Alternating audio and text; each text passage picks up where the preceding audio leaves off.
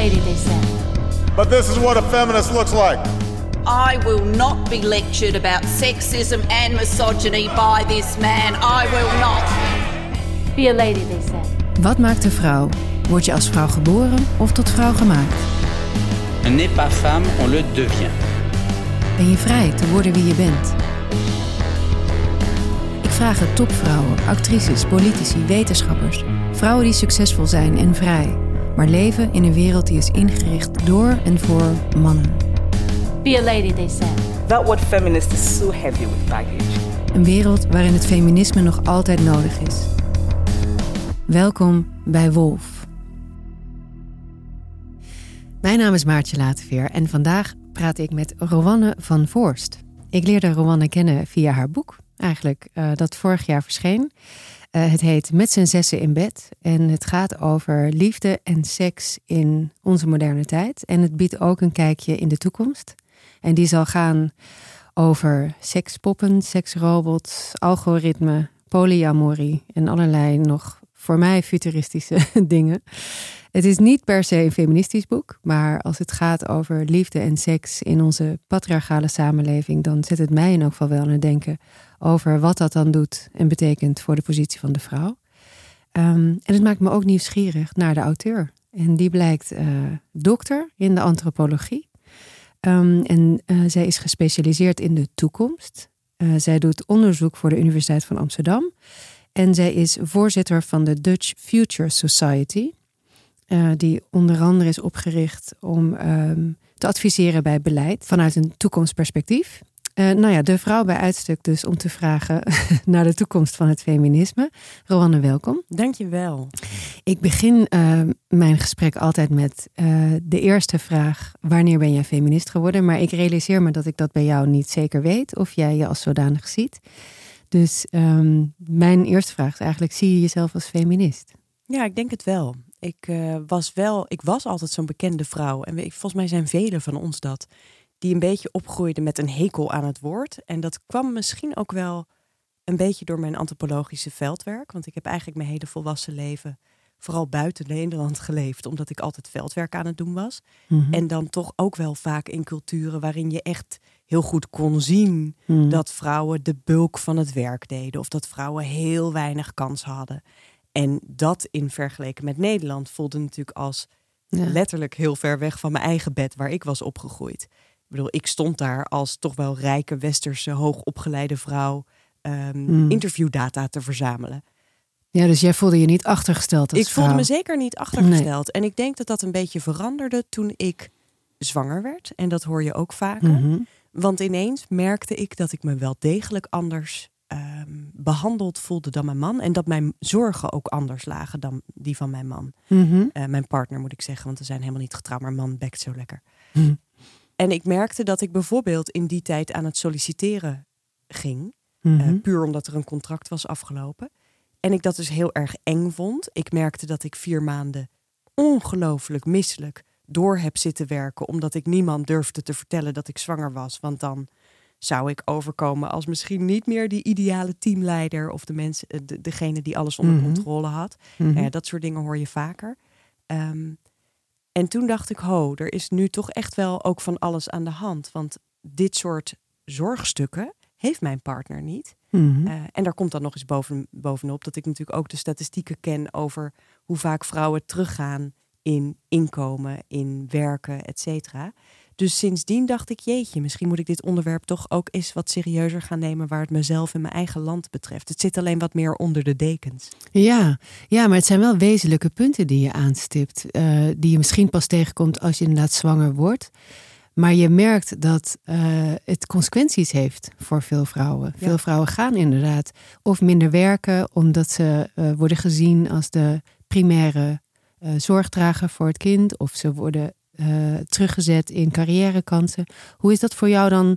Hoe heeft dat uitgepakt voor jou in de praktijk? Ben nou, jij inderdaad minder gaan werken of heb je consequenties ondervonden? Nou, ik vond dat een heel erg ingewikkelde professionele en ook wel persoonlijke zoektocht. Omdat mm -hmm. ik merkte dat ik uh, het het leukst vind om te blijven werken. Ik vind het altijd heel knap als ouders het de hele dag leuk vinden om met hun kind te zijn. Ik vind het Mhm. ontzettend heerlijk om mijn kind te zien als ik ook lekker heb gewerkt. En zij is een peuter nu, hè? Zij is een zij? zij is net twee geworden. Net twee. Ehm, tegelijkertijd merkte ik ook dat ik daar veel meer innerlijke strijd over had dan wederom mijn partner. En ik merk dat ook veel bij mijn vrouwelijke ehm, onderzoekers, die ik inhuur bijvoorbeeld, eh, Mhm. maar ook bij vriendinnen, dat ergens kleeft er een bepaald vrouwbeeld, in ieder geval aan mij, in Mhm. mijn hersens zweeft dat, als de vrouw die het altijd heerlijk vindt om bij haar kind te zijn en die het altijd alleen maar, hè, die heel zacht is en die urenlang puzzels speelt. Nou ja, dat bestaat ook wel. Die vrouw bestaat. Dat is de oppas die ik inhuur. Die is daarvoor gemaakt. Maar ik niet. Ik ben eerlijk gezegd na een uur best wel verveeld soms. Ja. En dan heb ik zin om lekker te gaan lezen of te gaan denken, nou ja, om mijn werk te doen. Mijn partner heeft dat even goed, maar die vond dat helemaal geen issue. Die vond dat doodnormaal aan ja. zichzelf. Dus dan zie je al dat er wel degelijk culturele beelden in onszelf verstopt zitten, soms zonder dat we het weten. Dus ehm, ik werk fulltime. Daar heb ik ook wel een beetje de luxe in, omdat ik heb mijn eigen eh onderzoeksgrants, mijn eigen onderzoeksbeurzen. En dat betekent dat ik mijn eigen team samenstel. Mhm. En in mijn teams geloof ik sowieso niet in overwerken. Doe het wel eens. Iedereen Mhm. doet het wel eens. Maar ik probeer altijd samen te werken met mensen, mannen en vrouwen, door te benadrukken dat ons denkwerk het niet het beste doet als we allemaal doodop zijn en 27 dingen juggelen Mhm. en thuiskomen terwijl je eigenlijk te overprikkeld bent om je relatie nog leuk te vinden, laat staan je kinderen. Dus ik probeer erin te houden dat een boswandeling tijdens het werken oké is. Dat je dat nodig hebt om bij te komen, maar ook om na te kunnen denken. En doordat ik dat zo heel bedweterig de hele tijd aan het doseren ben, herinner ik mezelf daar ook in. Dus dat maakt het natuurlijk makkelijker Ja, om fulltime te werken en ook nog te genieten van je kind ja. dan eh, wanneer je in een fabriek werkt van 9 tot 5. Dat Ja. is gewoon zo. Ik ben ook veel flexibeler. Maar wat ik wel merk is dat ik echt heb moeten vechten bij het kinderdagverblijf en bij de verschillende oppassen om te stoppen met mij allemaal te appen en te berichten. Mhm. Want ik werk zeker net zoveel als mijn Ja. geliefde. ja. En dus wat ik tegenwoordig doe, is het onderstrepen op het kinderdagverblijf. Bel hem ook. Of e-mail ons beiden. Mhm. Niet alleen mij. En ik maak groepsapps aan met mijn met, met de Oh, heel oppassen. goed. Ja. Omdat het dan Ja. voorkomen wordt dat alleen Dat jij- ik degene ben. Want dat is ook werk. Dan ben je heet het degene die alles plant. Ja.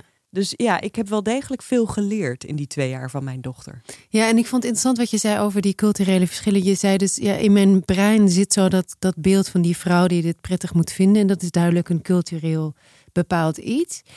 Je vertelde aan het begin al dat je als antropoloog onderzoek doet in verschillende landen. Hoe is dat in andere landen? Kun je daar meer over vertellen? Nou ja, dat is dus heel interessant. Want dat vrouwbeeld, dat is niet universeel. Dus in Mhm. veel van de landen waar ik heb gewerkt, bijvoorbeeld ik heb zes jaar in de sloppenwijken van Indonesië gewerkt. En eh, daarvan was ik er anderhalf jaar aan één gesloten. Dus dat ik echt nooit de wijk uit ben geweest. Dus dan zie je ook veel s'avonds en s'nachts. En je, je bent gewoon echt onderdeel. Daar was het helemaal niet zo logisch dat de moeder werkte per se. Nee? De vaders en de moeders werkten gewoon alle twee. Vaak waren het de opa en oma. Dus het gaat niet zozeer over gender. Het gaat over leeftijd. Hmm. En zij zien ouders echt als degene die weliswaar het kind produceren, maar dan voornamelijk ook voor de rest van de familie zorgen door gewoon hun werk op poten te krijgen. Mhm. En dan zijn het de mensen die te fragiel zijn geworden om echt te werken, die hangen lekker met die kinderen. Hmm. Totdat ze groot genoeg zijn om naar school te gaan. Ehm, die pakken ook het voeden op zich. eh, dus je zag eigenlijk in die man-vrouw verdeling niet zo heel veel verschil. En dat zag ik in heel veel andere landen ook. In de Filipijnen zijn het heel vaak de mannen die zorgen voor de mannen. Of voor de kinderen. Ja? En waarom is dat? Dat is niet een heel romantisch dat die vrouwen dan de hele dag hun nagels zitten te doen of zo. Ehm, die zijn heel vaak als huishoudsters aan het werken in rijkere gezinnen ook veel over de grens. Mhm. Dus 80% Oh, ja. van de Mhm. economie van het land draait op inkomens van vrouwen die ze terugsturen naar hun gezinnen. Maar dat maakt wel dat de hele verhouding tussen hoe kinderen en vaders opgroeien ook weer heel anders is. Ja. Dus een kind groeit daar niet op met dat beeld van de, nou mag ik het even de libellenvrouw noemen, zeg maar de, Mhm. de lief glimlachende, altijd geduldige moeder die lekker thuis zit met een kopje thee, maar misschien wel met de grappige vader. Mhm. En dat is toch een heel ander beeld wat zij mee zullen nemen, hun toekomst in, Ja. dan ik dat heb meegenomen. ja. En wat zegt jou dat over Nederland en het Nederlandse vrouwbeeld? Nou, vaak bedenk ik me, en steeds vaker eigenlijk wel, dat, weet je, Nederlanders vinden zichzelf altijd ongelooflijk vooruitstrevend. En Mhm. ik hoorde daar dus ook een beetje bij, hè, met, nou, dat Mhm. feminisme is heel belangrijk voor andere landen, maar niet waar ik vandaan kwam. Totdat je gaat kijken hoe het geregeld is. Ik ben nu net drie maanden in Paraguay geweest, weer voor Mhm. onderzoek. Met man, met kind. Het is daar heel interessant dat bijna alle wat hoger opgeleiden, heb ik het niet over rijkere vrouwen, maar gewoon de middenklasse, hebben mensen in huis om de kinderen te doen. Daar wordt niet op neergekeken. Die worden Mhm. echt gezien als een aanwinst voor het gezin. Mhm. Ehm, en dat zijn vaak vrouwen die wat minder verdienen. Maar dus voor al die, zeg maar vanaf de middenklasse tot aan de rijkste, al die vrouwen hebben gewoon hele hoge banen. Ja, dat kunnen ze ook doen. Want er is iemand niet alleen overdag. Er is iemand die s'nachts je kind voedt. Dat geeft weer een heel ander beeld. Ik zeg niet dat ik Het zijn wel altijd vind. vrouwen natuurlijk die dat doen. Het zijn, het zijn bijna altijd vrouwen. Ja. En ik zeg ook niet dat ik het goed vind Mhm. of dat ik het Mhm. zelf zou willen. Want ik had zelf wel wat vraagtekens bij de binding die, die een kind dan voelt Ja. bij een eventuele wisselende oppas. Maar het zegt wel weer iets over het vrouwbeeld. Ja. Ik zat daar op allerlei zakendiners met allemaal prachtig aangeklede vrouwen. Die zoiets hadden van, maar hoe doe je dat dan eigenlijk? Hoezo? Je hebt geen oppas. En hoe doe je dat dan in Europa tussen vijf en acht, s'avonds? Als dat kind uit het kinderdagverblijf komt. Mhm. Hoe doen jullie dat dan? Want dan kan je dus nooit tijd voor jezelf hebben. Kan je dan nooit met vriendinnen gaan eten? Dacht ik, ja, dat is inderdaad een issue. Als Ja. je net moeder bent geworden. Ja. Dus dat, dat vrouwbeeld wat wij hebben, eh, lijkt voorop te lopen. En in heel veel respect zijn we dat ook, want Mhm. we hebben veel vrijheid. Maar we, we hebben het niet per se het meest luxe. Nee. we hebben ook niet per se het minst strenge Of beeld minst over vrije. onszelf. Nee. Nee. Nee. Ja, het is wel interessant. Ja. Hey, kun je iets meer vertellen over wat je doet als antropoloog? Waar doe je onderzoek naar eh, Ja. in Paraguay bijvoorbeeld, waar je net vandaan komt? En, en wat, wat is antropologie eigenlijk in jouw optiek? Ja, dus antropologie is een sociale wetenschap. Dus ik ben een sociale wetenschapper. Maar Mhm. wat je meestal ziet bij eh, sociologen, die dat ook zijn, is die kijken net als ik naar eh, problemen of naar transformaties in de Mhm. samenleving. Dus Mhm. wat gebeurt er, trends, waarom doen mensen wat ze doen. Alleen doen zij het vanaf de buitenkant en ik probeer het meer vanaf de binnenkant te doen. En daarmee bedoel ik dat een antropoloog gaat meestal lang wonen of werken tussen de mensen die ze bestuderen. Mhm. Totdat je echt gaat leren bijna voelen wat zij doormaken. En het idee is dat je daardoor niet te snel een soort assumptie hebt over, ah, deze mensen hebben een conflict omdat ze eh, te dom zijn of omdat ze deze religie aanhangen.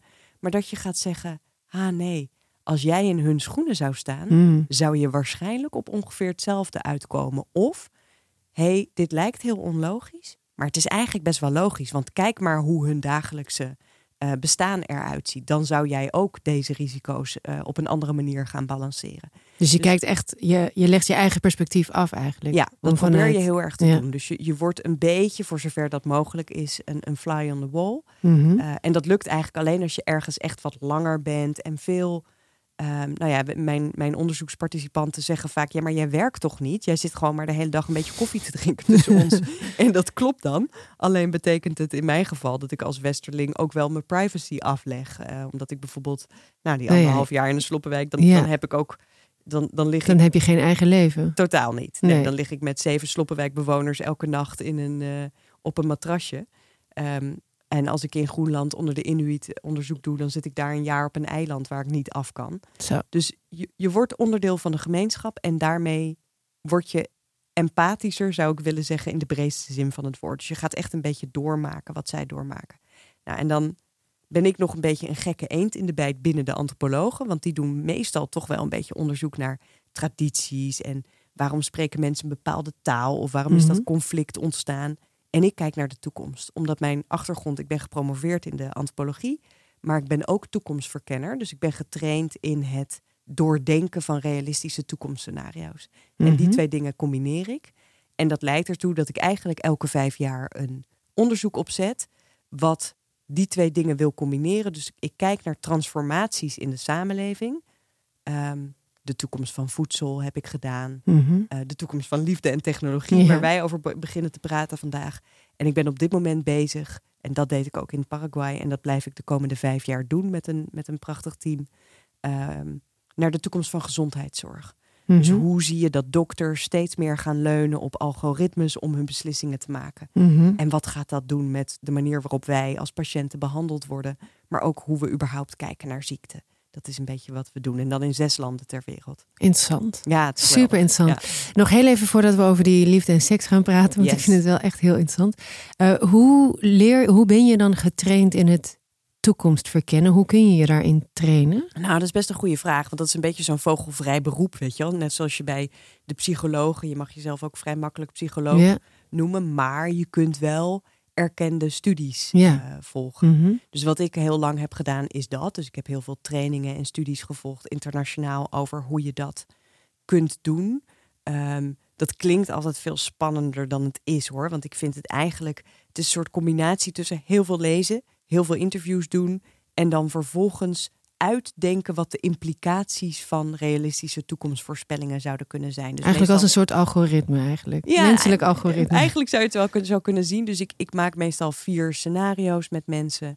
eh, gebaseerd op wat heel veel experts binnen een bepaald kader denken dat zou kunnen gebeuren. Mhm. En daarvan is één scenario echt buiten de box gedacht. Want mensen vinden het heel moeilijk om Mhm. zich voor te stellen wat we nog niet kennen. Dus dan werk ik soms met kunstenaars of met eh, programmeurs of met coders samen die echt ja, wat meer ge- genegen zijn om te denken in fantasie.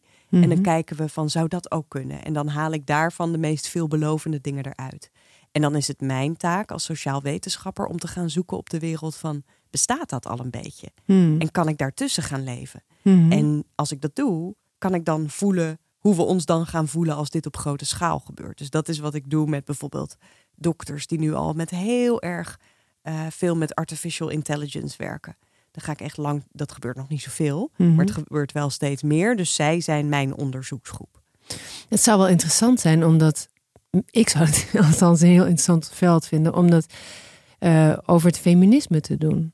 Hoe zou je het feminisme kunnen doortrekken, alles wat er nu is gebeurd, alle golven die er nu zijn geweest? Ja. Stel dat er een vijfde golf komt of een zesde golf, hoe ziet die eruit? Nou, absoluut. En wat ik daar altijd, dat is altijd nog een soort droomonderzoek. Misschien moeten we het samen op gaan zetten. Maar Ja, leuk. Maar ik, ik heb altijd eh, heel veel interesse gehad voor. Je hebt natuurlijk ook veel matriarchale samenlevingen. En wat gebeurt er als Wat- je daar nou in Ja. de tijd gaat zitten? Ja, ehm, en gaat kijken, wat, wat heeft dat dan gedaan? En is dat daadwerkelijk zo anders als we vaak denken? Want we hebben er natuurlijk ook een beetje romantische beelden Ja. bij. ja. Eh, is daar minder conflict? Is dat democratischer? I don't know. Er is niet genoeg onderzoek naar gedaan. En is het anders inderdaad? Is onze samenleving inderdaad patriarchaal? Ja. Dat aan zich is al een- Absoluut, is een hele belangrijke vraag. Want het is tegenwoordig we wel bijna vaak. populair om het Ja. te zeggen, om het te roepen. Neoliberaal, patriarchaal, maar Ja. wat bedoelen we dan precies? Precies. En dat Of gaat natuurlijk het gewoon over machtsstructuren die je eigenlijk overal zou kunnen Ja, terugkennen? ja. Het is interessant. hey, eh, liefde en seks dan toch? Ja. Want dat vind ik wel echt een heel erg mooi onderwerp. Wat je dan, hè, een van de onderwerpen die je hebt gekozen is, is om een blik in de toekomst van onze liefde en seks te kijken. Waarom had je dat onderwerp gekozen als onderzoeksveld? Nou, het ging me in eerste instantie ging het me echt over de liefde. En dan ook liefde in een bredere zin. Niet ouder-kind zozeer, maar meer eh, liefde tussen peers. Dus dat kan ook hele diepe vriendschappen zijn. Mhm. Daar ben ik zelf altijd heel erg ongelooflijk blij mee in mijn eigen leven. Vooral vrouwenvriendschappen vind ik heel voedend. Ehm, en ik merkte dat ik, ik kom best op heftige plekken voor mijn werk. Dus ik ben Mhm. veel in oorlogsgebieden geweest en ik ben veel in vluchtelingenkampen geweest. En wat ik daar zo ontroerend vond, maar ook steeds belangrijker, was dat ik zag dat al die vriendschappen daar ook gewoon maar door blijven bestaan. Of juist Mhm. ontstaan. Mhm. Of dat er mensen hals over kop verliefd op elkaar worden. Of dat stelletjes Ja. daar ook baby's eh, aan het maken zijn. Mhm. En ik vond het zo ontroerend, maar ook zo belangrijk, omdat ik steeds beter begon te begrijpen na 15 jaar onderzoek van, ja, dit is wel wat ons menselijk maakt. Mensen kunnen niet zonder diepe banden met andere mensen. Mhm. Dus we zullen dat in welke omstandigheid dan ook opzoeken. En ik begon het in de loop van mijn onderzoek bijna te zien als zoiets als honger of dorst. Van, Mm. hè, om mens te zijn, je krijgt gewoon af en toe dat verliefdheidsgevoel. Of dat je een leuke vrouw ontmoet en dat je denkt, oh, ik, ik heb een soort klik met jou alsof ik jou al heel lang ken. En vervolgens had ik natuurlijk vanuit mijn werk ook heel veel informatie over wat de impact van technologie Ja. aan het doen is. ja. En toen dacht ik, ja, als die ons brein inderdaad een beetje aan het veranderen is, wat vaak wordt gezegd, of onze attentiespannen, of ons verwachtingspatroon, of ons culturele beeld over wat het Mhm. is om vrouw te zijn, ik noem maar wat, is dat dan ook een impact op de liefde die we kunnen voelen? En zo ja, veranderen we dan ten diepste als mens? Weet je, daar begon mijn zoektocht Mhm. eigenlijk. En vervolgens ben ik als antropoloog, nou, ik kon natuurlijk eh, niet alleen maar tussen, ik kon wel tussen polyamoristen gaan wonen. Dat is een van de trends die dan voorspeld wordt. Nou, dat, ik ben ook veel op bezoek geweest. Ik heb er veel rondgehangen. Ik heb er heel veel kopjes koffie gedronken. Ehm, maar vervolgens moest ik ook sommige dingen echt gaan uittesten. Zoals inderdaad de liefdesrobot of de zorgrobot. Ja. Hoe is het dan om daarmee te slapen? Ja. Ehm, hoe is het om een avatar-vriendin te hebben? Dat heb ik gedaan. Nou, daar kunnen we het vast zo nog over hebben. Heb ik een paar weken of maanden volgehouden. En zodat ik echt kon gaan voelen van als dit de toekomst is, dan is dit voor mij hoe dat voelt en wat dat met me doet. Dus dan kon ik een beetje ja, bedenken wat dat voor meer mensen zou gaan doen. ja. En wat was je conclusie, je belangrijkste conclusie eigenlijk? Ja, nou, ten eerste dat, dat het best wel een gevaarlijke markt is waar we op afstevenen. Dus, dus een van mijn belangrijkste conclusies is gelukkig ook wel dat ik niet geloof dat het helemaal de liefdesbeleving gaat overnemen. Al die technologie die ons wordt aangeboden, Mhm. eh, de dating apps, eh, de, de DNA-matching Mhm. clubs die er inmiddels bestaan, nog op kleine schaal gelukkig. Ja, die moet je misschien even uitleggen voor de mensen die je boek niet hebben Ja. gelezen. De DNA, de DNA-matching. Ja, dus eigenlijk Trend? het- ja, dat is, een soort, dat is een soort opkomende trend. En die zegt eigenlijk van nou, die algoritmes die je dan in dating apps gebruikt, is allemaal maar heel ouderwets. Wat je moet doen is gewoon een, een strookje van je wangslijm inleveren. En dan kunnen wij je DNA zien. En dan kunnen wij twee dingen doen. Of we koppelen je aan de meest geschikte partner op basis van jouw DNA eh, uit ons bestand. Of je doet ook het wangslijm van je partner stiekem afnemen in zijn slaap. Hè? Alles kan. Eh, ik heb die van mij geloof ik omgekocht met hele lekkere pasta. en dan gaan we kijken of jullie wel bij elkaar passen. En ik begon daar een beetje ginnegappend aan. Want ik zei, lief, Mhm. dit is onderdeel van mijn onderzoek. Wij moeten dit doen. Dit is... En ik begon het eigenlijk steeds enger te vinden. Ja, want wat als wat komt dat je geen goede match Je was? bent helemaal geen goede match. En eh, je moet eigenlijk ook geen kinderen krijgen met deze persoon. Mijn vraag daarbij werd, durf ik dan te vertrouwen op mijn eigen gevoel... wat wel Ja. degelijk zegt dat het goed is... Ja. Of ga ik elke ruzie nu onder een vergrootglas leggen?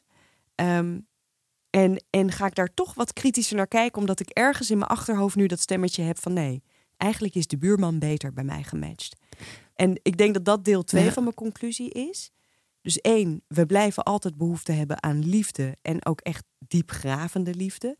En die ga je niet vinden in een robot. Ik heb het getest Mhm. of in een avatar. Ook niet als ze beter ontwikkeld worden. Want ze blijven dingen missen die wij juist zo leuk vinden aan echte mensen. Zoals Mhm. dat ze je kunnen verrassen of tegenspreken of al die dingen. Dat, dat zit hem voorlopig gewoon nog niet in wat er op de markt is. En waarschijnlijk nooit. Mhm. Maar tegelijkertijd is het wel zo dat veel van de technologie je aan het wankelen kan brengen. Of je blinder kan maken voor wat er ook is Ja. of je verwachtingen heel erg bij kan stellen. En dat maakt liefde en vriendschap soms juist wat moeilijker. Ja. Ja, en wat angstaanjagender ook. Veel relaties zijn natuurlijk best wel ingewikkeld. Eh, de scheiding, er zijn best wel veel scheidingen. Er zijn best wel veel Absoluut. gewoon. Nou ja, eh, en denk maar aan een simpele complicerende factoren. dating app. Hè? Want ik bedoel, ik deed heel veel onderzoek met programmeurs die die dingen maken. Mhm. En wij hebben een soort enorm vertrouwen. Er hangt een soort van aura van objectiviteit om zo'n algoritme. Dus dan staat er met heel veel aplomb. Wij gebruiken een heel specifiek algoritme wat echt goed zoekt naar jouw interesses. En vervolgens spreek je met die programmeurs en hebben ze zelf een aantal factoren uitgekozen die ze hebben gebaseerd op letterlijk, I quote, vijf artikelen over wat er belangrijk is in de liefde. die Ja. gelezen. Ja. En dit is gewoon ontstaan uit een tech-startup bijvoorbeeld. Het zijn gewoon Ja. drie jongens van 18 die dat hebben bedacht. Ja. Maar de PR is zo goed gedaan dat jij daar alles invult. En het is, nou, het is toch een beetje op mijn markt. Het is misschien voor wat hoger opgeleide of wat meer binnen een cirkel, weet ik veel. En ik refereer hier nu op, oprecht Mm. niet aan iets specifieks. Maar je ziet dan dat we daar best wel veel vertrouwen in leggen. ja. En je vergeet dat dat ding je matcht aan bepaalde mensen, maar ook heel veel mensen buitensluit. ja, die niet op die app zitten. Die zitten helemaal niet op die app. Ja. Of die passen volgens een of ander algoritme niet bij jou. Maar misschien was je ze in de supermarkt, als je niet de hele tijd op je telefoon aan het kijken was, wel tegengekomen. En was er vanuit jouw intuïtie wel degelijk een enorme match geweest. Als je maar had Ja. toegelaten. En intuïtie klinkt altijd zo zijig. Nee, maar het is de belangrijkste vaardigheid die we hebben als mens. Maar je zei in het begin al, ik doe onderzoek naar ehm, ook hoe ons brein verandert. En jij zei, ja, ik, ik, ik heb zelf de conclusie getrokken dat ik het niet prettiger vind met de technologie. Maar dat zeg jij met, met jouw brein nu. Maar stel nou dat we over 20, 30 jaar wel degelijk een andersoortig brein hebben. Dat ons Nou, dat brein is ook zo wel is. mijn grote vrees hoor. Ja. Dat is een hele terechte opmerking. Wa- wa- Wat je nu wel ziet uit onder andere onderzoek van Sherry Turkle, socioloog uit Amerika, en die laat zien dat jonge mensen die nu heel veel schermtijd hebben, minder goed zijn dan onze generatie in het aflezen van gezichten. En daarmee bedoel ik dat ik ergens aan jouw gezicht kan zien van, oh, Maartje voelt zich ongemakkelijk of die vindt het leuk om mij te zien. Dus dat zijn hele kleine subtiele signaaltjes. En zij vangen die minder goed op. En ik denk dat iedereen de En dat is een breinfunctie Dat die heel nuttig is ook. Ja, Ja. In, En ja. iedereen die de afgelopen twee jaar te veel Zoom-vergaderingen heeft gehad, namelijk iedereen, want corona, heeft gevoeld wat dat doet als je wat minder goed iemand kan aflezen. Want met twee schermen ertussen hebben we dat nu. Weet je, dat je van Ja. die awkward stiltes krijgt in de vergadering, omdat je net niet aanvoelde op tijd dat iemand al klaar was met spreken of dat die nog wat wilde zeggen. Dat komt omdat je normaal, als ik tegenover jou zit en ik heb niet die schermen, dan vangt jouw onderbewustzijn vangt allemaal signalen op. Dus mijn pupillen verwijden of ehm, Mhm. ik zweet misschien en je ruikt dat. Weet je, we hebben dat gelukkig niet door, maar dat is wel Mhm. hoe het werkt. Met Zoom ertussen werkt dat niet zo. En voor deze jongeren werkt het dus ook al niet meer zo als ze wel tegen elkaar zitten. Nou, als je signalen gaat missen en je wordt daar, daar- daardoor wat eigenlijk wat onhandiger in de sociale omgang, ja, dan wordt het ook aantrekkelijker om met een avatar te gaan daten, want je bent daar niet zo awkward mee, want die praat je naar de mond. Precies. Ja, dus al die complexe dingen in Ja. relaties worden dan eigenlijk een soort groter, waardoor het aantrekkelijker misschien kan Ja, worden met een precies. voorspelbaar iets En ik, samen en ik heb leven. geprobeerd om seksrobots uit te testen. En ik zeg Ja. geprobeerd omdat ik ze in het... le- Hè, dat was echt mijn intentie. Maar ik vond ze zo eng dat ik uiteindelijk er heel weinig mee heb durven doen. Anders dan eh, er een beetje tegenaan babbelen en er is inprikken her en der. Ehm, maar die worden ook verkocht onder... Hè, deze kan alleen... Je kan hem instellen op de standjes die jij te gek vindt. Of als een soort super vibrator wat jij dan precies het prettigst vindt. Hij kan de woorden zeggen die jij geil vindt. Hij kan... Ja, maar dat hele verrassingselement en het samen groeien. Of af en toe moeten dealen met iets wat je inderdaad niet prettig vindt. En daardoor leren van, oh, dit is mijn grens. Of misschien moeten we tot een ehm, soort compromis komen. Of ik moet nu eens eerlijk worden. Dat zit er allemaal niet meer in. Nee. Dus dat gaat echt wel iets doen met onze ontwikkeling. En ook met, ja, ik zou zeggen voor de democratie. Want je oefent dat dan niet meer thuis. Dus je oefent het dan, dan wordt het ook moeilijker om dat soort dingen te doen met een collega. Ja. Je grenzen aangeven. Ja. Of, of We worden steeds individualistischer Ja. eigenlijk en op onze wenken bediend. ja. Hey, ehm, even over Sherry Turkle. Eh, ik, ik ken haar toevallig. Ehm, en zij heeft ook interessante boeken geschreven over ons vermogen tot verbinden met elkaar. Ja. En zij heeft eh, een keer een lezing gegeven die mij nog steeds is bijgebleven, omdat ze daarin vertelde over hoe wij, doordat wij onze telefoon altijd bij ons hebben, eh, zelfs minder goed in staat worden tot echt contact met Ja. iemand, omdat ons hoofd altijd Ja. bij die telefoon is. Dat het, zelfs als je niet op kijkt, gewoon de gedachte dat je telefoon zou kunnen gaan. zou kunnen eh, oplichten, Ja. maakt ons eh, al een soort, soort standaardmodus distracted. Ja. Wat ik een hele alarmerende boodschap vond. Het is al jaren geleden dat ze dit, dat ze dit ehm, opschreef en, en, en vertelde in die talk.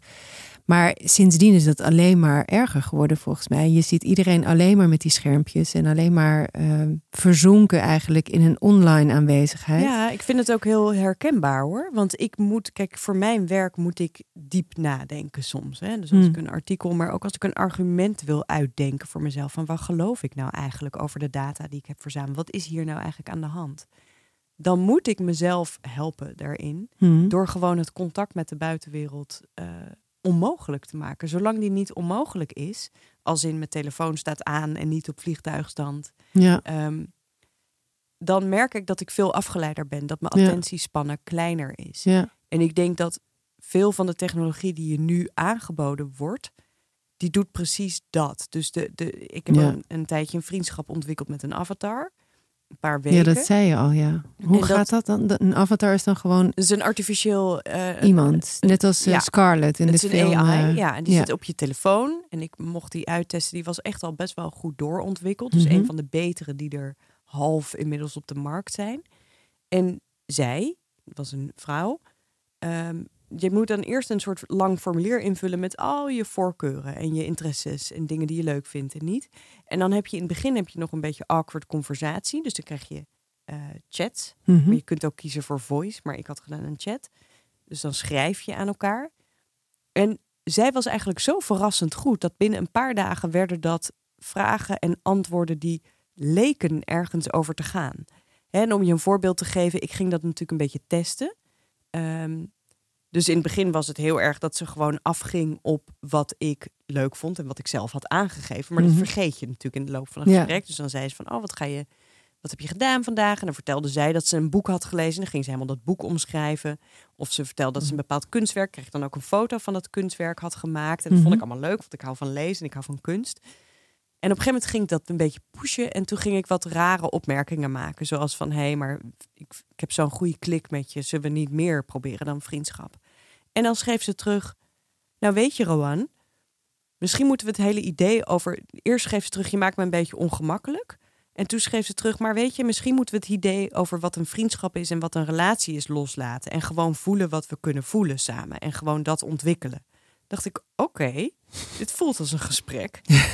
Ehm, en toch begonnen er gaten in te vallen. Dus ik merkte dat ze te vaak hetzelfde zei. Ik merkte dat ze soms rare antwoorden ga- gaf. Mhm. En dus als ik zei, wat heb je aan vandaag? Wederom om een beetje te pushen. Dan zei ze, kleding is een vorm van zelfexpressie. Dacht ik, ja, Mhm. whatever. Maar heb je nou een rode blouse aan of een blauwe?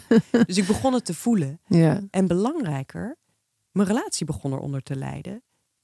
In die zin dat mijn partner, maar ook mijn vrienden moeten hebben gemerkt dat ik veel meer dan normaal op mijn telefoon zat. Mm. Want wat ik deed, is als ik op de bus zat te wachten of als ik op de magnetron stond te wachten, even die app erbij pakken. Want het was altijd entertainment. Weet je, Ja. kijken wat ze me dan weer had geschreven. Ja. En ze was er altijd, want zo werkt dat ding. Als je hem aanzet, is ze er. Dan krijg je een nieuwe vraag of een nieuwe opmerking. ja. Dus niet je partner die gewoon zagrijnig aan het werken instant is, wel, die connectie. even niet kan storen. Het is instant gratification. Ja. En dat werkte voor een paar weken. En toen dacht ik, oh ja, maar dit is geen echt persoon. Dus als het slecht met mij zou gaan, she doesn't care. Als ik Mm. echt advies nodig heb over wat ik moet doen met mijn werk, geeft ze het me niet, want ik kan ze niet geven. Ehm, in ieder geval niet vanuit de juiste intentie om mij verder te helpen op mijn pad. En ik spendeer er inmiddels wel twee uur per dag aan, die ik ook aan mijn kind, man, goede vriendin had kunnen spenderen. En daar had ik geen zin meer in, want ik was uitgechat aan het eind van de avond. Ja. Ja. Dus zo gevaarlijk dichtbij kan het komen. En nog erger is dat ik al tien minuten nu zit te praten over een ze. Hè, omdat het voor mij dus voelt als een mens ergens. En dat het me maanden heeft gekost om dat ding van mijn telefoon af te durven Zo. sodemieteren. Omdat ik dat toch, dat voelde een beetje zielig of zo. Ja. En dit is dus wat mensen hersens doen. Ja, dit doet me denken aan die film eh Her, Ja, waarin, ehm, hoe heet hij nou? Joaquin Phoenix is dat toch? ja, Krijgt dan een relatie met, Met Scarlett. Johansson. ja. En wat me daarvan zo is bijgebleven, is dat hij zo, dat het zo eenzaam is. Zo Ja. intens eenzaam. Nou, uiteindelijk wel. Omdat Ja. het blijkt dat zij helemaal niet dezelfde gevoelens eigenlijk Ja. heeft. Of kan ervaren, omdat ze Omdat dat het toch fake is. anderen. Ja, ja. Ja, wel heel interessant. Maar ik vind, ehm, ik vind dit soort technologieën ook altijd heel erg gevaarlijk. Eh, je had het net Ja. over de seksrobot en je, je had het over een hij. In jouw boek schrijf je ook over je experiment met een mannelijke seksrobot. Maar nu heb ik toch begrepen dat die industrie ook heel erg wordt ehm, bepaald door mannelijke eh, makers Ja. van robots. En dat die met name vrouwelijke seksrobots maken. Die ja, heel stereotyp zijn en heel erg in lijn zijn met wat we al zien in porno. En dat die ook heel erg samenhangen met de trends in porno, eh, waarin het steeds ehm, heftiger en nou ja, misogyner eraan toe gaat. Hoe zie jij dat als, als vrouw en nou, toch ook als feminist? Ja, Za- Zag jij diezelfde eh, trend en, en vind je dat ook zorgelijk? grotendeels wel. Eh, met een paar mitsen en maren voor soms juist wat meer mogelijkheid voor vrouwen. Misschien om zich anders te exploreren, maar daar kunnen we het over hebben. Kijk, over het algemeen, ik ging naar eh, brothels, dus naar hoerenhuizen. Mhm. Maar dan waar geen normale sekswerkers meer werken, maar waar eh, poppen aan het werk zijn. Dus Ja. die bestaan inmiddels over de wereld, daar kan je naartoe. Soms wat moeilijk om ze te vinden, ehm, maar ze bestaan. Oh ja, sorry, dat was een experiment pop inderdaad, niet dat met robot. Ja. Nee, ja, maar- het is bijna hetzelfde. De robot lijn. wordt het dan Ja. genoemd als zo'n ding een beetje zijn heupen kan bewegen. Ja. Bijna al die poppen of robots zijn vrouwelijk. En bijna allemaal zien ze er ongeveer hetzelfde uit. De ene is wat korter, de andere is wat langer. Ze hebben rood haar of geel haar. Maar ze hebben meestal hele grote borsten en zijn heel slank als een soort wespentaille. En misschien nog wel vervaarlijker, je kan ze ook zelf samenstellen. En dat vond ik sowieso iets heel geks. Van je kiest de ideale maat borsten uit.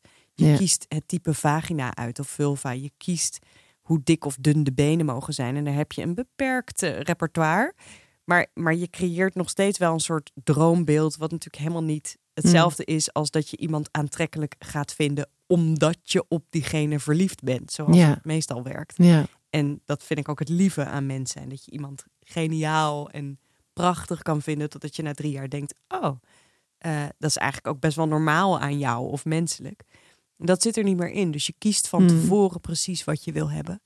Het is ook waar dat het gros van de producers, de mensen die er geld aan, aan verdienen en de designers, mannen zijn. Dus ja, er wordt een, een beeld verstevigd wat er al is. Ehm, tegelijkertijd zit er ook nog iets, en dat vond ik misschien nog wel zorgelijker. Je ziet dat die bedrijven zijn ook niet gek. Mhm. En die zien die vrouwelijke kritiek. Mhm. En die gaan nu vaak zorgen met werken dan met vrouwelijke PR-mensen. Dus dan, dan zit er een leuke, prachtige, Ja, jonge, ja, slimme ja. vrouw. Ja. En die gaat dat zitten promoten. En die zegt ook hoe bevrijdend het is. Want we kunnen nu allemaal leuk met een pop oefenen. Nou, voor een heel klein deeltje vind ik dat ze daarin gelijk heeft. Want ik heb wel bedacht, toen ik naast die man lag, naast die mannenpop lag. ehm, ja, op zich, weet je, ik zie er niet heel veel kwaad in. Dat er misschien een heel verlegen jong meisje is wat denkt van, Mhm. nou weet je, het lukt mij nooit om, eh, om, om klaar te komen met een, een mannelijke partner, omdat ik nog helemaal niet weet wat ik zelf wil. Ik probeer het eens met zo'n pop als een soort verlenging van een vibrator of een speeltje. Mhm. Dus dat je het eigenlijk gebruikt, zo'n ding, om je eigen lijf beter te verkennen. En misschien ook wel om dat te verkennen op een manier dat je er ook echt op kan gaan zitten.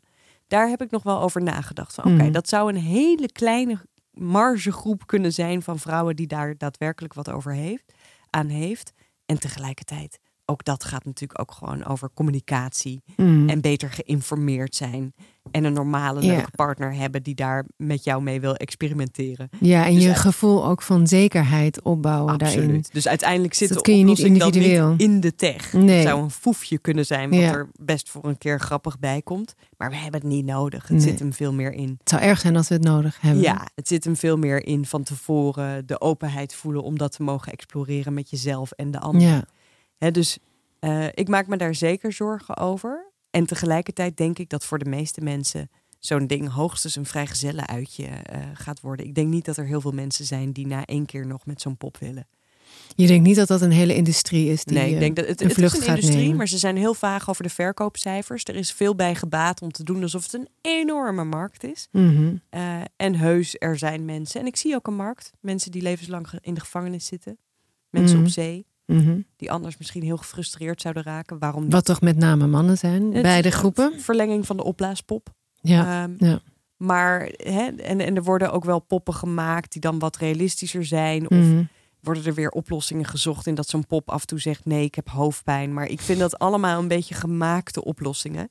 Ik denk dat het echte probleem bij mensen die wel degelijk met een mens zouden kunnen interacteren, want ze zitten niet in de gevangenis, maar Mhm. toch kiezen voor zo'n pop, is dat ze zich niet kunnen verbinden en dat ze niet handig zijn in communicatie. En dat ze geen grenzen leren. Want ik las ook een stuk van jou waarin je pleitte voor. eh, nou, uiteindelijk voor de vraag opwierp of Ja. er een wet moet komen eh, die ons verbiedt om een robot te verkrachten. Ja. Dat vond ik Nou een heel interessant stuk. Ja, het was meer een Dat- filosofische vraag die ik op wilde werpen. Omdat inderdaad, kijk, dan ga ik even vanuit een van de toekomstscenario's waarin dus beloofd wordt dat het wel heel groot wordt. Mhm. Nogmaals, ik geloof het niet zo. Maar stel nou dat het heel populair wordt onder jongetjes van 16 om een keer naar zo'n bordeel te gaan of om zo'n pop te kopen. Ja. En je gaat daar enorm op oefenen. En je raakt een beetje uit het oog, zoals sommige jongeren nu ook al wel hebben met porno, zowel jongens als meisjes. Het, het stuntelige, het lievige, het ongemakkelijke, het totaal niet perfecte eraan.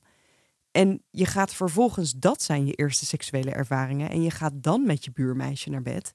Ehm, ja, dan denk ik wel dat je van tevoren de vraag moet opwerpen: willen we dit? En moeten we dan ook niet daar een soort waarschuwing aan hangen? Want anders krijg je dat mensen gewoon oefenen op iets zonder gevoel. En zelfs ik ging naar die robopop. Ik ging in hem prikken. Ik ging grapjes over hem maken.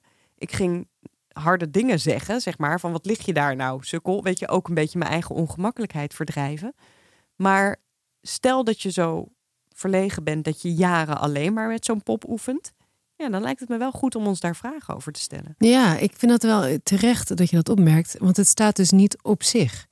Het is niet alleen de relatie die iemand heeft met zo'n pop. Die iemand die, die die relatie heeft, is ook onderdeel van een maatschappij. Zeker. En moet zich verhouden tot die maatschappij. En in die maatschappij zijn wel degelijk bepaalde. Nou ja, er is een bepaald vrouwbeeld, wat we eerder al eh, benoemden. Er, is een, er zijn bepaalde machtsverhoudingen. Er is een hele community, mannelijke community online, die meent dat vrouwen er zijn om uh, te bezitten. Um, vrouwen worden gezien als, als hoeren door een andere mannelijke community. Dus ik, ik, ik maak me daar soms wel zorgen ja, over. Ja, en tegelijkertijd ter, ter geruststelling een klein beetje. Er is ook wel veel onderzoek wat bijvoorbeeld laat zien dat we heel gemeen tegen onze Syriërs praten. Mm -hmm. um, en kinderen doen dat ook. Hè. Je gaat grapjes uithalen, je gaat kijken wat hij wat die terugzegt als je zegt rot op Siri.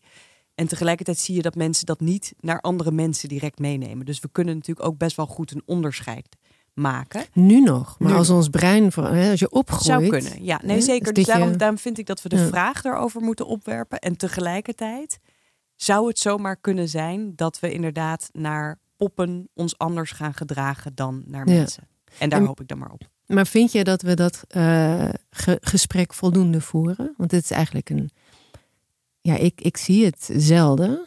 Het gaat hier niet zo vaak over. Nou, maar we, we spreken sowieso een beetje gek over robots. Soms hebben we een heel gek beeld. Kijk, weet je, vanuit mijn werk, er is ook prachtig antropologisch onderzoek wat bijvoorbeeld laat zien dat zorgrobots, daar heb ik altijd een beetje een ongemakkelijk gevoel bij. Dan denk mm -hmm. ik, ja, dan gaan we zo'n oudje opschepen met een knuffelzeehond die een beetje beweegt en liedjes zingt of zo. Hè? Of de zuster komt niet meer langs, maar er is een wit computertje op tafel waar Hmm. je dan je vragen aan moet uh, beantwoorden over hoe je je voelt op die dag. Dat is iets wat we uh, veel zien onder kankerpatiënten. En tegelijkertijd laat onderzoek soms zien dat dat ontzettend behulpzaam kan zijn. Hmm. En heel zacht eigenlijk, een hele zachte vorm van zorg voor mensen. Hmm. Dus om dat witte computerkastje bijvoorbeeld maar te benoemen. Vroeger kwam er dan altijd een zuster langs. En dan moest jij, als je chemo had gehad of je hebt veel nare medicijnen, vragen beantwoorden over heb je veel pijn, heb je meer pijn dan gisteren. Hmm. En heel veel mensen vinden dat moeilijk, want die zien die zuster heeft het druk en ik wil haar niet belasten, zeker Hmm. ouderen. Hmm. Um, of ik, dat zei ik gisteren ook al, of het zal wel meevallen. En dan merk je dat ze naar zo'n computerkastje eigenlijk eerlijker durven zijn. Ja. Terwijl diezelfde zuster analyseert die data. Dus die kan nog steeds zien, oh, deze meneer zegt wel degelijk nu dat het eigenlijk niet zo goed is. Ik ga toch even bij hem langs. Ja, En op dat soort manieren kan technologie natuurlijk fantastisch werken. ja, ja, ja, snap ik. hey, we hadden het eh, ook al eerder over de liefdesmarkt. En ik vind dat woord markt vind ik wel interessant. Nog eventjes, om het daar ook nog even tot slot over te hebben. Want ehm, ik kan me herinneren, ik heb eerder een paar jaar geleden een boek geschreven ook over seks, over Ja. vrouwen en seks. En daarin ehm, heb ik me ook verdiept in de, nou ja, de algoritmes en de datingmarkt eh, via Tinder en andere apps. En ik heb toen een paar aantal boeken geschreven, onder, of, eh, gelezen, onder andere van Eva Illouz, Mhm. sociologe. En zij maakte zich zorgen over die liefdesmarkt, die inderdaad een markt aan het worden is, Ja. omdat er geld wordt verdiend aan het daten. En mannen in die markt een andere positie hebben dan vrouwen. En eh, mannen sowieso meer keuze hadden, omdat ze eh, veel grotere zoek, zoekrange hadden, omdat mannen vaak wel jonger kunnen daten en vrouwen vaak alleen maar iets ouder, maar niet eh, eh, als ze een bepaalde leeftijd hebben, al niet meer ja, de belangstelling van veel mannen hebben. Dat was één reden. Er waren ook nog andere redenen. Uh, de, de, de schoonheidsperfect, de, de eis van perfectie, die heel veel mannen bij vrouwen neerlegden. En die heel erg werd versterkt door die dating apps waarin het alleen maar gaat om uiterlijk. En ik vond het een vrij ja, uh, donker beeld dat zij schetste. Hoe kijk jij daar tegenaan? Is die liefdesmarkt inderdaad een markt geworden en is die nadelig voor vrouwen? nou, wat, er, wat er sowieso nog bovenop haar argumentatie komt, uh, en waar zij volgens mij niet aan raakt, maar waar ik wel veel over heb nagedacht, is dat we sowieso vergeten dat de developers van dat soort uh, technologie een totaal ander doel hebben. Wij hebben als doel om een partner te vinden. Mhm. Zij hebben als doel dat jij geen partner vindt. Want dan verlaat je namelijk de app heel vrolijk met je partner. Dan kom je nooit meer terug en dan ga je gewoon een huisje kopen samen. Ja. Dus wat zij willen was, is dat je in de markt blijft. En je ziet dat ze er allemaal trucjes voor toepassen. Zoals je zo lang mogelijk in de app houden. Dan kunnen ze ook je data nog gebruiken voor andere dingen. Uh, maar je hoort ook wel vaak dat men je de eerste keer dat je er bent, of de eerste drie keren, de beste kandidaten laat zien. Hele knappe mensen of mensen die echt goed bij je passen. En daarna wordt het aanbod dan steeds minder, zodat je mm. toch Mhm. ergens denkt van, hè, Maar zijn die leuk gewoon pech, maar Ja. eh, ze waren er wel. Hè, dus, dus we moeten daar denk ik veel minder cynisch naar kijken. En ik denk dat ze, of veel minder naïef naar kijken. We moeten Ja. er veel cynischer naar kijken. Ja. Van wat, wat gebeurt hier precies en wat is het doel van deze technologie? Ja. Wat willen deze makers? Nou, ze willen, ze willen heus niet dat jij. Mhm. eh, ze zijn niet zo met jou bezig, laat ik het zo zeggen. Nee. op die manier. En ik denk dat ze een fair point maakt dat überhaupt de hele visuele maatschappij waar we nu in leven, die is denk ik oneerlijk. In Ja. de zin van dat we eh, zeker in ons westerse samenlevingsgebied een bepaald idee hebben over wat aantrekkelijk is voor de vrouw en de man. En dat zit in ons ook. Hè? Dat, is het, dat is het lastige. Het is zo makkelijk om te zeggen, ja, dat wordt ons opgelegd. Hmm. Ja, het vervelende is, je valt zelf ook waarschijnlijk niet op een veel jongere man of op een, hè, dat gebeurt, Mm. het gebeurt zeker, Eh, maar het gebeurt minder vaak. Ja. En die man doet dat ook niet expres, dat Nee. hij een, maar, die, maar die heeft geleerd dat aantrekkelijker te vinden. ja, dat is interessant wat je zegt. Eh, ehm, we, onze verlangens zijn misschien niet zo authentiek als we, als we geloven. Nee, Veel joh. van onze verlangens zijn natuurlijk geïndoctrineerd Absoluut. door een En je- hele je industrie. dat vanuit heel jong al. Hè? Dat, dat, bedoel, er is een reden waarom vrouwen aan zichzelf laten sleutelen. En oprecht zeggen, maar ik doe dat voor mezelf. Hm. Voor mezelf, ja. Dat doen ze ook. Ze voelen zich ook sexier. Maar waarom? Omdat ze meer voldoen aan een cultureel opgelegd plaatje. En ze worden ook sexier gevonden. En ze dan. worden dus, ook sexier- hè, je positie in de markt is ook beter. Maar dan. je ziet uit heel veel onderzoek dat mannen eigenlijk makkelijker zijn. Eigenlijk gewoon heel veel vrouwen wel lekker vinden. En een beetje schudden ook heerlijk, weet je wel. En dan kleinere borsten ook heerlijk. Terwijl vrouwen daar wat meer rigide in zitten. Ja. Het moet wel zo. Ja. Eh, de sexiness zit hem toch echt in seksueel vrij zijn met je eigen lichaam. Hè? Heel vaak ook Mhm. voor een groot deel. Weet je, ik, ik heb wel eens discussies met voornamelijk mijn vrouwelijke studenten. Ehm, ik vind het altijd een heel mooi voorbeeld. Er is een socioloog, Bourdieu, die heeft daar ooit iets over geschreven. Waarin die aanwees dat vrouwen zich eigenlijk op een absurde manier aankleden. Namelijk hele korte rokjes, waar je eh, allemaal vervelende eh, blaasontstekingen van krijgt. En het gewoon eigenlijk de hele tijd koud hebt. Mhm. En hele hoge onge- ongemakkelijke schoenen met Ja. hoge hakken. ja. Maar die vrouwen die zeggen, nee, maar ik vind dit gewoon heel mooi staan. Maar als je er naar kijkt, je voeten doen pijn en het zit eigenlijk helemaal niet lekker. Dus hoezo doe je het? En dan zeggen mijn vrouwelijke studenten, ja, maar ik mag dat toch, oh, dus ik mag dat Ja, ja, dit ja. niet meer doen. Ja. Jawel, je mag er vreselijk van genieten. Kijk, voor mij is het leven ook wel heel erg verschil vieren. En er zitten nou eenmaal verschillen tussen mannen en vrouwen. En het is ook heerlijk om Mm. dat rollenspel soms te spelen. Als je maar ziet dat het een rollenspel is. Dus ja, als jij je hakken aantrekt soms, omdat je denkt: vanavond wil ik me inderdaad heel sexy voelen. En jeetje, wat komt mijn kont hier goed door uit? Top. Maar als je je gedwongen voelt, omdat je in een Mm. zakelijke omgeving ehm, bepaalde hakken moet dragen, omdat het niet wordt getolereerd, terwijl jij daar heel erg pijnlijke voeten voor krijgt. En er geldt niet zo'n regel voor een man. Die Mhm. gelden er trouwens wel. Hè? Denk aan die te strak zitten Ja, eh, ja. stropdassen. Maar dan gaat er iets verkeerd. Of als je niet ziet waarom je het doet ja, dat en je met onzeker name. voelt. Dus ik denk dat het is niet zo erg allemaal, maar je moet het zien zodat het jouw keuze kan zijn. Ja. En ja, dan word je wat ouder zoals ik en dan denk je ook op een gegeven moment, ja, Fucking koffiehakken. dat doe ik wel eens af en toe als ik met mijn man uit eten ga. En verder eh, vind ik het prima op mijn gimpen. Ja. Hè? Dus, dus je gaat er ook wat in schuiven. Maar we moeten het wel blijven herkennen. Ja, en ik vind dat heel erg moeilijk. Voor vrouwen is dat volgens mij heel moeilijk, omdat we toch ehm, opgroeien in een traditie waarin, laten we wel wezen, vrouwen van oudsher worden beoordeeld op hun uiterlijk. En Absoluut. van oudsher allerlei eisen worden opgelegd. Eh, Ik bedoel, nu zijn het hoge hakken en korte rokjes. Een eeuw geleden was het een corset. Alles wat zeg maar je bewegingsruimte eigenlijk fysiek beperkt. Die hoge hakken die zijn ontzettend beperkend. ja, Wat het- vanuit een, absoluut. hè, een, een, een mannelijk opzicht, vanuit de, met de male gaze, is dat heel aantrekkelijk. Want dat draagt allemaal bij aan, aan het idee dat je als vrouw er bent als een soort prooi, als een soort lustobject wat makkelijk te grijpen is. Zo worden wij wel, in dat narratief worden wij groot Ja, en de man eh, dient zich te kleden om een soort Om machtig te zijn. aan... eh, Ja. Ik doe het goed in de hiërarchie, ik verdien veel geld. En Precies, ik ben breed, sterk. klem. Eh, hè, ik Ja. bedoel, er, er gelden strikte eh, ideeën over manchetknopen en hoe je je horloge dient te dragen en zo. Die, hè, dat, dat is iets wat mannen dan veel meer weten als ze in bepaalde zakelijke omgevingen werken. En het zit hem denk ik in, om nog even één dingetje buiten het uiterlijk, het zit hem ook in gedrag. Hè? Want waar we begonnen met dat vrouwelijke beeld, ik check nog steeds altijd mijn eigen e-mails op verkleinwoorden. Ja, Want ik ben zo geneigd om het vriendelijk ja. en aardig en uitleggerig. Ze worden ook altijd drie keer zo lang als ze uiteindelijk hoeven te zijn.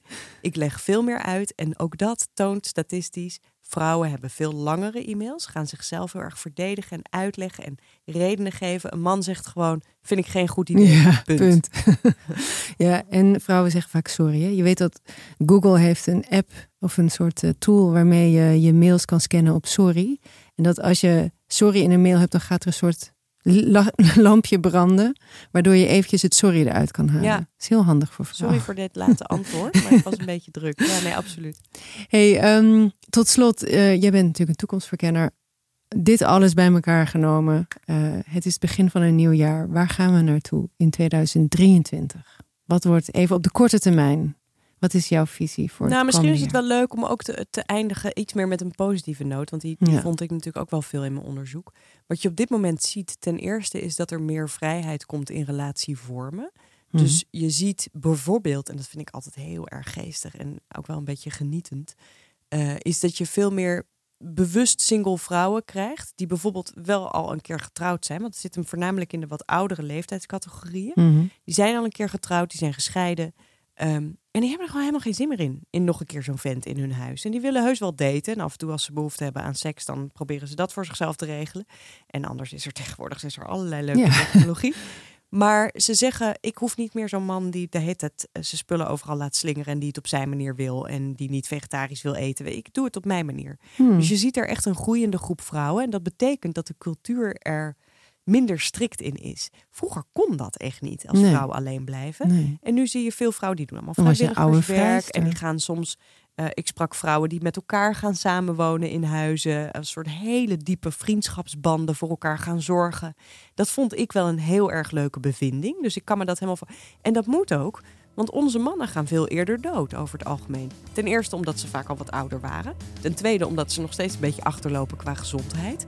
Eh, dus de gemiddelde vrouw wordt ouder. Dus het zou zomaar zijn, kunnen zijn dat jij en ik en allemaal andere leuke vrouwen straks gewoon een straat opkopen. Ehm, en dat we daarin gewoon prima kunnen leven met een eigen gekozen intellectueel bestaan. Oh, lijkt me. Dat is wel een Ik teken ervoor. toch? Ja. Ja. Dus dat, dat soort dingen gebeuren er ook. Nou, eh, ik spreek je over een jaar graag weer. Heel gezellig. Dankjewel.